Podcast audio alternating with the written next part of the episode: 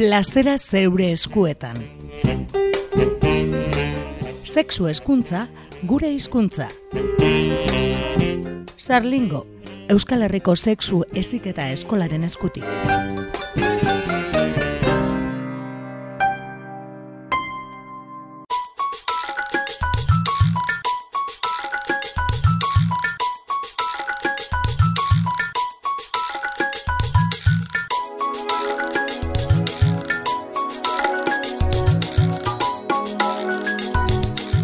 Sexologia tartea zabalduko dugu Bilbo iria irratian, Zarlingoren eskutik egiten duguna, Euskal Herriko Sexu Eziketa Eskola dugu, eta amabostean behin Mikel Oribe sexologoa batzen zaigu, eta gaurkoan ere pres daukagu gurean. Haupa, Mikel? Haupa, keso. Bueno, gaurkoan eh, tema potolo bat ekarriko dugu saiora. Sexu eziketa ez mintzatuko gara, ez, sexu eziketa eskuntza formalean, ez formalean, eh, beharrezkoa den, e, nola daukagun, kurrikulunean txartatuta dagoen, bueno, galdera asko eta duda asko ditugu. Lehenengo eta behin, haien hobenen alitzateke sexu eziketa bera definitzea, edo sexu eziketaz jarduten dugunean, ba, zertaz e, jarduten dugu. Bale, claro. Sexu eziketa sexologo batek egiten duenean, eta sexu eziketa beste donork egiten duenean guztiz desberdina da. Mm Beste donork egiten duenean, azken finean izaten da e, praktika konkretu baten eziketaren inguruan hitz egitea. Hau da, koituare, ko, koituari bueltak ematea. Bai? Eta mm, ezitzailea horrez gain, e, medikuntza mundutik baldin badator, azken finean indarra jarriok, jarriko dio kondoiari, e, gaizotasunei eta ba. prebentzioa ere, sexu eziketan askotan nahazten dugu prebentzioarekin, ez? Hori da. Prebentzioa azken finean da e, begia jartzea arlo negatiboetan ez gertatzeko. Eta ezik eta gure ikuspuntutik da baloreak e, kultibatzea edo mm zaintzea eta bultzatzea, ez?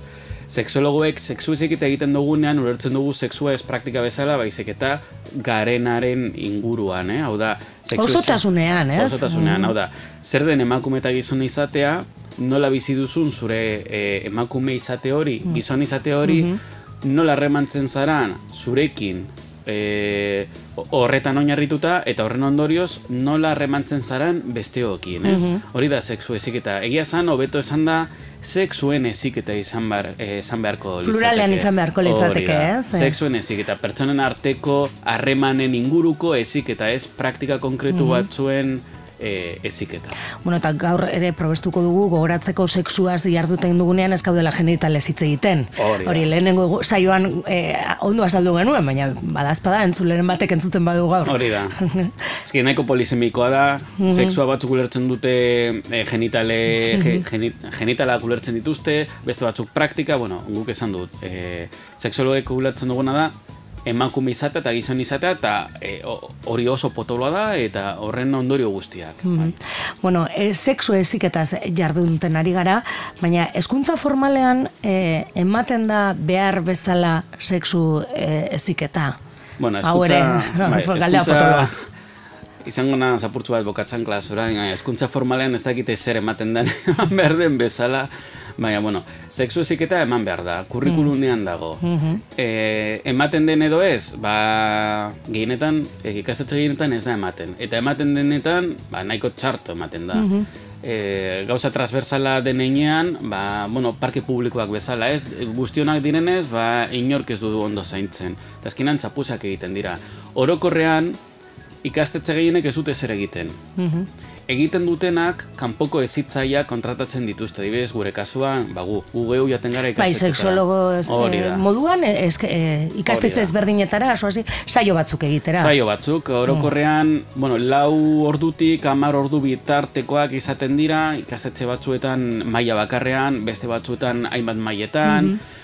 Badaude ikastetxe berezi batzuk zentzu positiboan, badibidez, eh, LH-ko lehen eskuntzako irugarren zikloan ematen dutenak eta gero bigarren eskuntzako maila guztietan ere ematen dutenak, mhm. baina hori oso anekdotikoa da.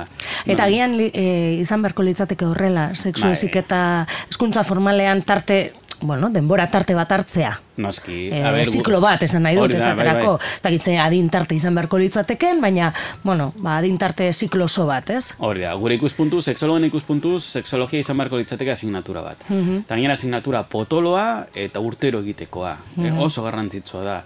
Eta egin beharko litzateke urtea, urte guztian zehar. Mm baina ez da, ez da horrela egiten.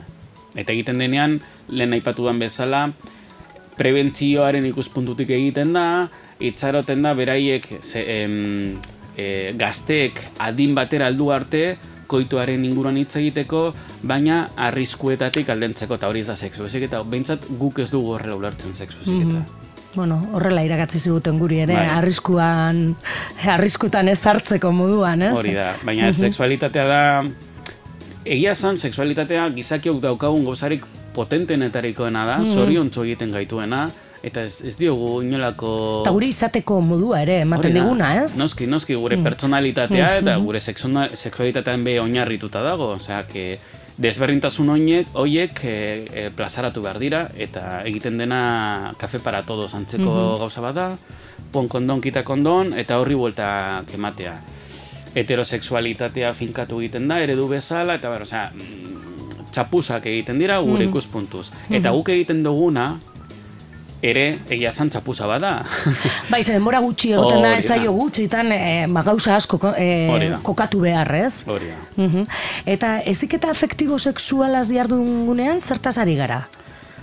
Bari, azken fian, e, emozioen inguruan hitz egitea, norberaren emozioak, desberdintasun Eta hori eri, seksualitatearekin, badu, bai, bai. E, zer ikusia, ez? Hori da, adibidez guk ez dugu desberdintzen, e, normalen esaten da, seksu eziketa, eh, parkatu, sexu, eh, bueno, gaztelera esaten da, educación afectivo sexual, mm -hmm. ez? Euskera ere batzutan. Eta hor egiten da binomio artifizial bat, non desberdintzen zen, desberdin, parkatu, desberdintzen den afektua eta sexualitatea, eta ezin dira desberdindu. Mm -hmm. sexualitatearen muina afektuetan datza. E, Baina, klaro, batzuk ulertzen duten ez afektuak ba, erdi maite minuta edo guztiz maite minuta egoten norbaitetaz eta sexu harremanak izan alditugun ez maite mindu gabe, ba, egiten dute binomio hori. Hori da, baina mm ezin da. E, afektuak beti daude hor. Eta gizakiak elkartzen garenean, naiz eta bos minutuko kontua izan, ez mhm. ezagunekin izan, hor afektuak pilpilean daude, beraz, guk sexu eziketa edo e, sexualitatearen eziketa esaten dugu, baina ez dugu afektu hitza erabiltzen, zei, e, oinarrian dago, integratuta mhm. dago. Mm -hmm. Bai, berez, e, e, sexu eziketan eta sexu ere emozioz, e, emoziotan oinarritzen delako, ez, izateko eran, eta... Bai, claro, oso, oso desberdinak gara, guztu desberdinak ditugu, guztu horiek adierazteko e, jarrerak, espresioak, bideak oso desberdinak dira ere bai, e, jarrera horiek eta jokabide horiek ulertzeko ere, mm ikuspuntu desberdinak erabiltzen dira, naiz eta guztiok desberdinak izan, emakume eta gizonen artean ere desberdintasunak daude, e, emakumeak orokorrean igual bide batetik doaz gauza batzuentzat, gizonak beste bide batetik, eta azkenean zer egiten da, eta hau da hankasartze galanta, interpretatu beste errealitatea norberaren, norberaren errealitatetik. Mm Eta azkenean adibidez ligoteoan edo e, urbilketa horiek txarto interpretatu daitezke eta guzti hori. Nola ekiditu hori? Ba, sexu eziketa egiten. Eh? Txikitatik, gauza guzti horiek plazaratzen, jendeak ulertuko luke, ni e, nire desira erotiko adibidez piztan dela era batera, baina albokoari piztan zaio bestera batera, ez? Mm Eta desberdintasun horiek ulertzen asko zero betu ulertuko gineateke, eta azken finean, sexu ziketaren helburua da guztion artean, asko zere hobetu lertza gu gure burua mhm. eta gure ingurukoak ere bai. Mm Beraz urrun gaude, ez? E, bueno, ba, sexu eziketa eskuntza formalean, e, bueno, ba, denbora luzez, e, zikloso batean, horrek gero ekarriko lukelako pertsona norbanako bakoitza ere ezberdin, e, bueno, hobeto ezagutzea bakoitza bere burua eta eta arrameantzeko era ezberdinak, ez? Eta gero sí. dituko lituzke arazo asko. Hori da. Kurioso da, sistema gaten, hezkuntza sistema gaten gaude, non e, ematen zaion garrantzi gehiago, gure ikuspuntuz garrantzi gutxien duenari, adibidez, gauza teknologikoei garrantzi asko ematen zai, adibidez, matematikei, eta gero, igual, unibertsitatea maituta gero, egiten duzu master bat, e, emozioen inteligentziaren ingurukoa, bai, igual hori, aurre hezkuntzan egin beharko litzateke, ez? Mm Eta, ez, ez dakit algebra posgradu bat izan, oza, daukagu sistema guztiz kontrara. Eta nina goren kritikatzen sistema ofiziala eskuntzarena, baina eske e, familietan egiten den asko zer okerragoa da. Bai, familietan, etxera begiratu ere, esku, sexu e, ezik eta familian ere, bueno, ez da egiten. Ez da egiten, bueno, a ber, egia, egia zan, ezik eta ezin da ez egin. Mm Hau da, gai bate, batez ez hitz egiteak, ja hori markatzen du pilo bat, eta hori erabate, erabatean da e, ziketa egita ere bai, ez? Baina gurasoek normalean itzaroten dute, beraien seme alabak, e, nera bezaro arte heldu arte, hitz egiteko sexualitateaz, baina, klaro, sexualitate ulertuta, koitua bezala. Arriskue, ez, prebentzioz, ez? Eta barriro ere apuntalatzen dugu, sistema mm heterosexista, mm oikoa, non, e, e, bikoteak heterosexualak izan behar diren, sexua genitalekin zirikusa duen zeo zer den, mm -hmm. beti egin behar da penetrazioa, eta bar, eta bar, eta bar. Karo, hori sistema apurtu egin behar da, noiz apurtzen da, mala urtekin, ez? Ba, igual apurtzen da, lau urtekin. Karo, adibidez, begiraen norarte heltzen garen. E, guraso askok eramaten dute beraien alabatzoa pediatraren gana masturbatzen denean. Mm Eta neska guztia masturbatzen dira txikitan klitori bat masturbatzea oso erraza da, panpinekin egin daiteke, maien eskinekin edo zer gozarekin. Ostera, sakia masturbatzeak behar du e, teknika bat, teknika hori garatzeko psikomotrizitate fina oki bar duzu. Umetzikik ez dute, mm -hmm. bera, sakiarekin jolasten dutenan ez dira masturbatzen, mm -hmm. jolastu egiten dute, mm -hmm. gurasoi barregura sartzen zaie. Baina harrapatzen dutenean, bera labatzo, adibidez, panpin batekin oran katartean, ikusten dute, disfrutatzen dutela, baina e, urduritu egiten dira. Mm Esaten diote hori ez egiteko, mezu negatibo alarazten diete, Dai. eta batzuk pediatraren gana, e, karo, zer nolako sexu ezik, eta da hori gurasoek beraiek ostopatzen baldin badute, mm beraien alaben e, ez, e, autoezagutza, eh, sexualitatearen inguruan. Eta gero, suma izige, eta eskuntza sistemak refortzatu egiten du, behitu, anekdota bezala, bueno, anekdota, itzela da, E, eskoletan, eleatzen, lehen eskuntzan eta debeatzen, ematen du ugalketa. Mm Karo, ez sexualitatea. Ugalketa aitzaki bezala erabiltzen dute, alduaren inguruan ia ez egiteko, eta klitoria desagertu egiten da, zer gaitik ugalketarako klitoriak ez duelako balio. Mm Beraz, liburuetatik ez, e, kendu egiten da klitoria. Mm Ez da, existitzen. Hori da, debeatzen berdin, oza, da, onzuma izige.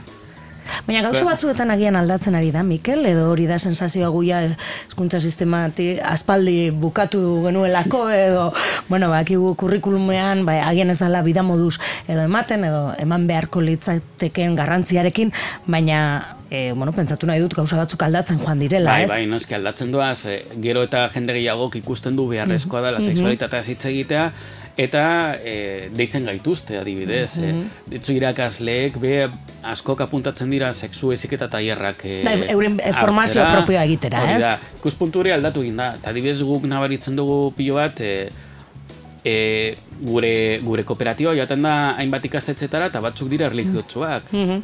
Monjinenak, adibidez, eta goratzen dut orain dela urte batzuk, mo, monjina batek e, esan zigula, gaztela esango dut, tal cual, eh? Eh, nosotras seremos monjas, pero estúpidas no. Uh -huh. O sea, que beraiek eskatzen zuten sexólogo ez egindako uh -huh. sexologia ikastolan eskolan ematea, ez? E, garrantzitsu ikusten dute. Eta hori, orain dela mara urte, uh -huh. esan gertatzen. Uh -huh. bueno, lekuren bat, baten bai, baina... Osa, que oberuntzuaz. Uh -huh. Baina orain asko dago egiteko, asko ez? Teorian, irakasleek beraiek egon barko litzateke preparatuta, horren inguruan... E, e, lan egiteko, baina bueno, gaur egun ez daude, oraindik e, oraindik ez daude e, preparatuta. Bueno, gaurko saioan argi geratu zaiguna da la Mikel, e, sexu eziketa e, ez dela arrisku ez hitz egitea, ez da prebentzio, asko ere gehiago dela mm eta behar bezalako garrantzia eman beharko zitzaion, ez? El... Hori da, begira, i, e, frase bat edo berreskuratzen dut, lehenengoko saioan hitz egin nuen sexologo famatuen inguruan, mm -hmm. eta goratzen dut, e, Jabelo Kelly's e, e, sexologo indartzu bat e, e, esandako hitzak, ez? E, gaztelera izango ditzateke, en la sexualidad hay más cuestiones cultivables que cuestiones a prevenir, ¿es? Horrelako mm -hmm. zer, eta hori da ikuspuntu dago ikasteko, eh, bueno, prebentzioan lantzeko baino, ez? Hori da. Ezitu daiteke, mm -hmm. eh, anistasunerako hobeto mm -hmm. prebenitzeko baino. Bueno, ba, esaldi handi horrekin, bukatuko bai. dugu gaurko saioa, ez? Ba, vale. Mikel Oribe, seksologoa eskerrik asko, ba, beste behin, bilboiria irratian, irratitarte hau egin izanagaitik, sarlingoren eskutik, Euskal Herriko seksu eziketa eskolaren eskutik, de, aste bat barru berriro ere batuko gara. Ba, eskerrik asko eta laster arte. Plazera zeure eskuetan. Sexu eskuntza, gure hizkuntza. Sarlingo, Euskal Herriko sexu eziketa eskolaren eskutik.